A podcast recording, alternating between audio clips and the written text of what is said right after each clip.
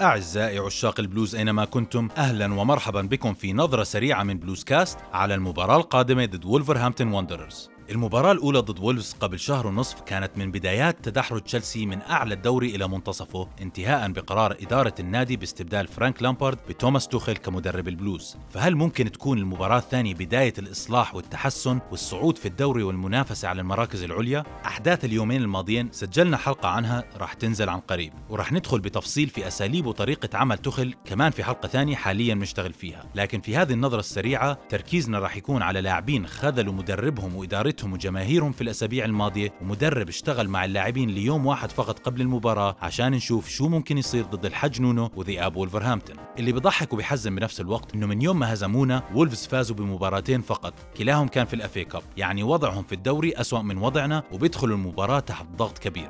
لكن حكيناها قبل المباراة الأولى ضدهم وراح أكرر. كمدرب ولاعبين وولفز قادرين إنهم يرفعوا مستواهم ويفاجئوا أي فريق. تشيلسي بيدخل المباراة بإصابة واحدة لكنها مهمة. نقولو كانتي. تكلمت قبل المباراة الأولى ضد وولفز إنه بعد خسارة إيفرتون العامل النفسي كان كبير وشفنا كيف أدى لإنهيار في الشوط الثاني. فالعامل النفسي اليوم راح يكون أكبر وشفنا في كثير من المواقف المشابهة لما يغادر المدرب بعد فترة ضغط وفقدان للثقة الفريق ممكن يلعب بالبداية بأريحية أكبر ويعطي أداء أقوى لأن بنعرف جودة اللاعبين وبنعرف إنه تخل خبير لكنه الأغلب إنه ما راح يحاول يغير كل شيء رأسا ويعقد الأمور. ما أتوقع يستخدم تشكيلة غريبة على اللاعبين أو يستخدم لاعبين كانوا سيئين على حساب لاعبين قدموا أداءات جيدة في المباريات الماضية. ممكن يعطينا مفاجأة أو تويست صغيرة لكن إذا صدقنا الإشاعات إنه اللاعبين تدمروا من قلة الوضوح في تكتيكات لامبارد أتوقع أكثر شيء قادر يعمله تخل بعد يوم عمل واحد هو إعطاء اللاعبين الحرية والثقة للتعبير عن أنفسهم من خلال مواهبهم وبعديها بيبدأ الشغل الصح. فبتوقع تشكيلة 4 2 3 1